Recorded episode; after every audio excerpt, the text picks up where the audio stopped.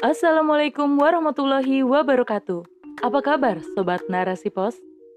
Kali ini bersama saya Giriani di rubrik Opini. Narasipos.com Cerdas dalam literasi media, bijak menangkap peristiwa kunci.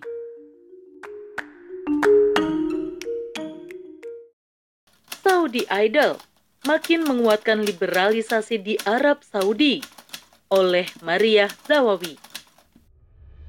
Arus liberalisasi yang dilakukan oleh penguasa Arab Saudi semakin nyata.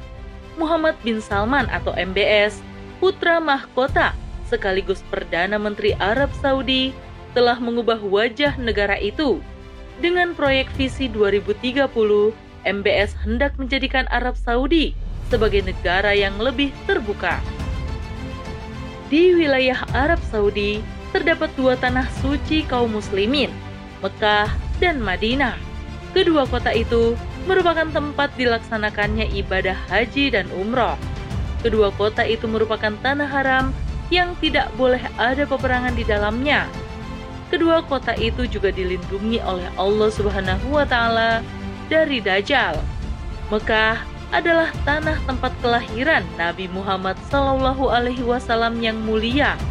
Di kota itu pula wahyu pertama kali diturunkan di sana juga terdapat Ka'bah yang menjadi kiblat kaum muslimin. Sedangkan Madinah adalah tempat didirikannya pemerintahan Islam yang pertama. Di dalamnya terdapat Masjid Nabawi, masjid pertama yang didirikan oleh Nabi Muhammad Shallallahu Alaihi Wasallam. Dari kota itulah Islam disebarkan ke berbagai penjuru dunia. Para penguasa Arab Saudi pun menyadari hal itu meskipun tidak lagi berada di bawah kekhilafahan Islam, mereka tetap menjaga kemuliaan kedua kota itu, termasuk wilayah-wilayah di sekitarnya. Mereka masih menerapkan syariat Islam meskipun hanya sebagian saja. Dahulu, Arab Saudi dikenal sebagai negara yang sangat ketat dalam menerapkan beberapa hukum Islam.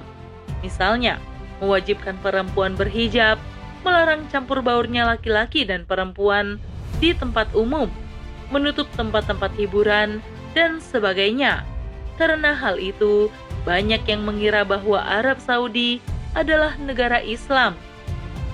Sayangnya, sejak MBS diangkat menjadi putra mahkota, syariat Islam ditinggalkan sedikit demi sedikit. Berbagai kemaksiatan pun dilegalkan atas nama modernisasi Sekularisasi dan liberalisasi pun dilakukan oleh penjaga dua tanah suci itu. Hal itu tampak dari berbagai peraturan baru yang dibuat. Pertama, melonggarkan aturan interaksi laki-laki dan perempuan di ruang publik. Misalnya, menghapus aturan tentang pemisahan pintu masuk ke restoran dan mengizinkan perempuan untuk menginap di hotel dengan laki-laki yang bukan mahramnya para perempuan juga tidak lagi diwajibkan untuk berhijab di tempat umum. Kedua, melakukan modernisasi ala barat. Hal itu diwujudkan dengan dibukanya kembali gedung-gedung bioskop. Gedung bioskop sudah lama ditutup atas desakan kelompok konservatif. Di samping itu, pemerintah juga akan membuka klub malam halal. Namun, belum ada kejelasan tentang apa yang disebut klub malam halal itu. Ketiga, mempermudah wisata ke Arab Saudi. Selama ini, jemaah umroh dilarang melakukan mengunjungi tempat-tempat di luar kota Mekah dan Madinah. Namun, sejak tahun 2019, larangan ini telah dicabut. Setelah melakukan ibadah umroh, jemaah dapat berwisata ke situs-situs di luar dua tanah suci tersebut, misalnya mengunjungi Laut Merah. Dengan dicabutnya larangan ini, diharapkan ada peningkatan jamaah umroh dari 8 juta menjadi 30 juta per tahun. Di samping itu, juga mendorong mereka untuk mengunjungi kota-kota lainnya. Beberapa perubahan ini ditujukan untuk meningkatkan kunjungan wisatawan ke negara itu. Selama ini, Arab Saudi dikenal sebagai negara penghasil minyak.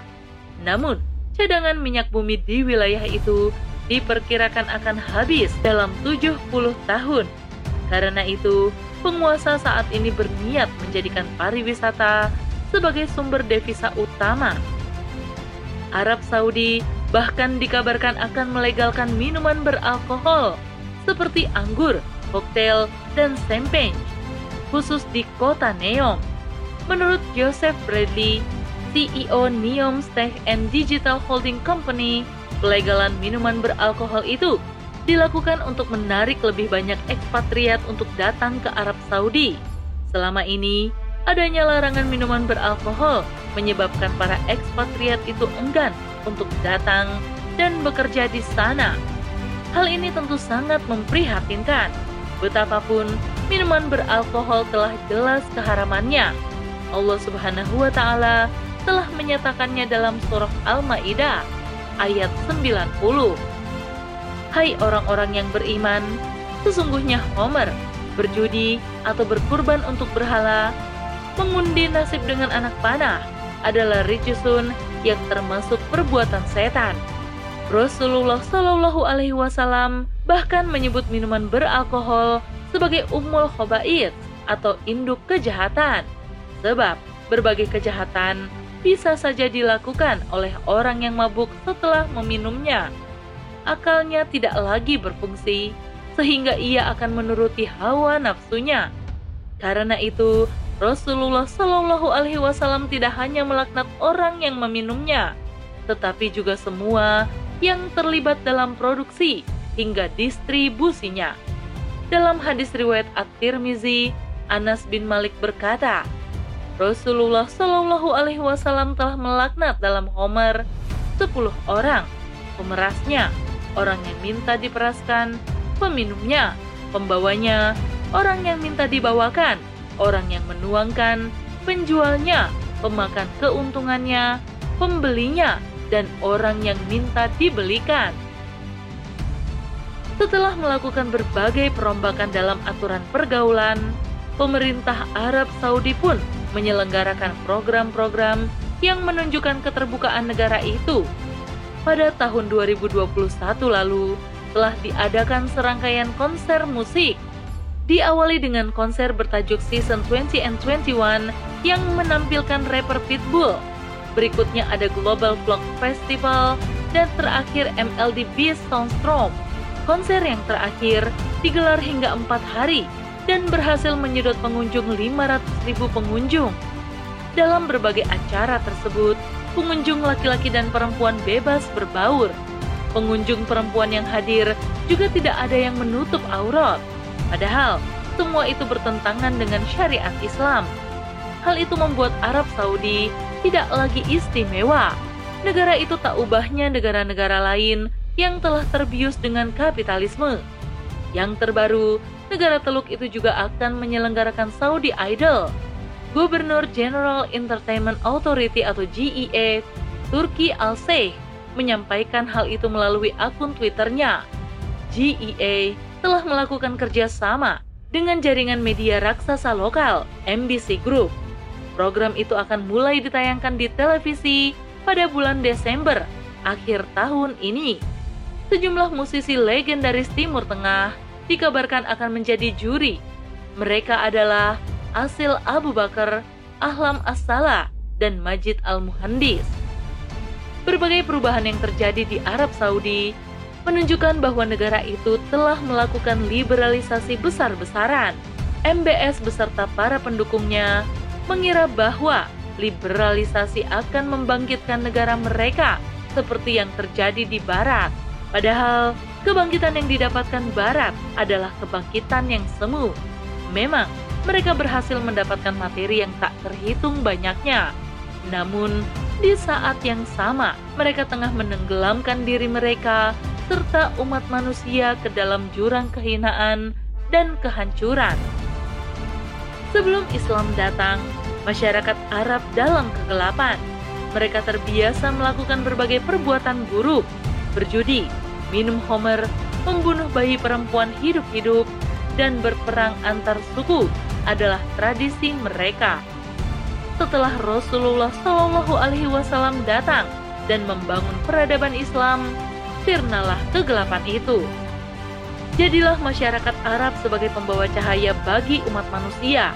Cahaya Islam pun menyebar ke berbagai penjuru dunia.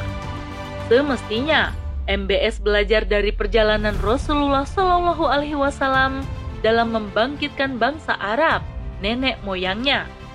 Melalui risalah yang diturunkan melalui malaikat Jibril alaihi salam, beliau Shallallahu Alaihi Wasallam membangun peradaban Islam yang bertahan hingga 1300 tahun. Peradaban yang membuat Barat ketakutan dan senantiasa diliputi kecemasan. Seharusnya MBS membangun kembali peradaban itu, peradaban yang akan menyelamatkan tidak hanya umat Islam, tetapi umat manusia seluruhnya. Peradaban yang akan menciptakan kesejahteraan dan kebahagiaan yang sebenarnya.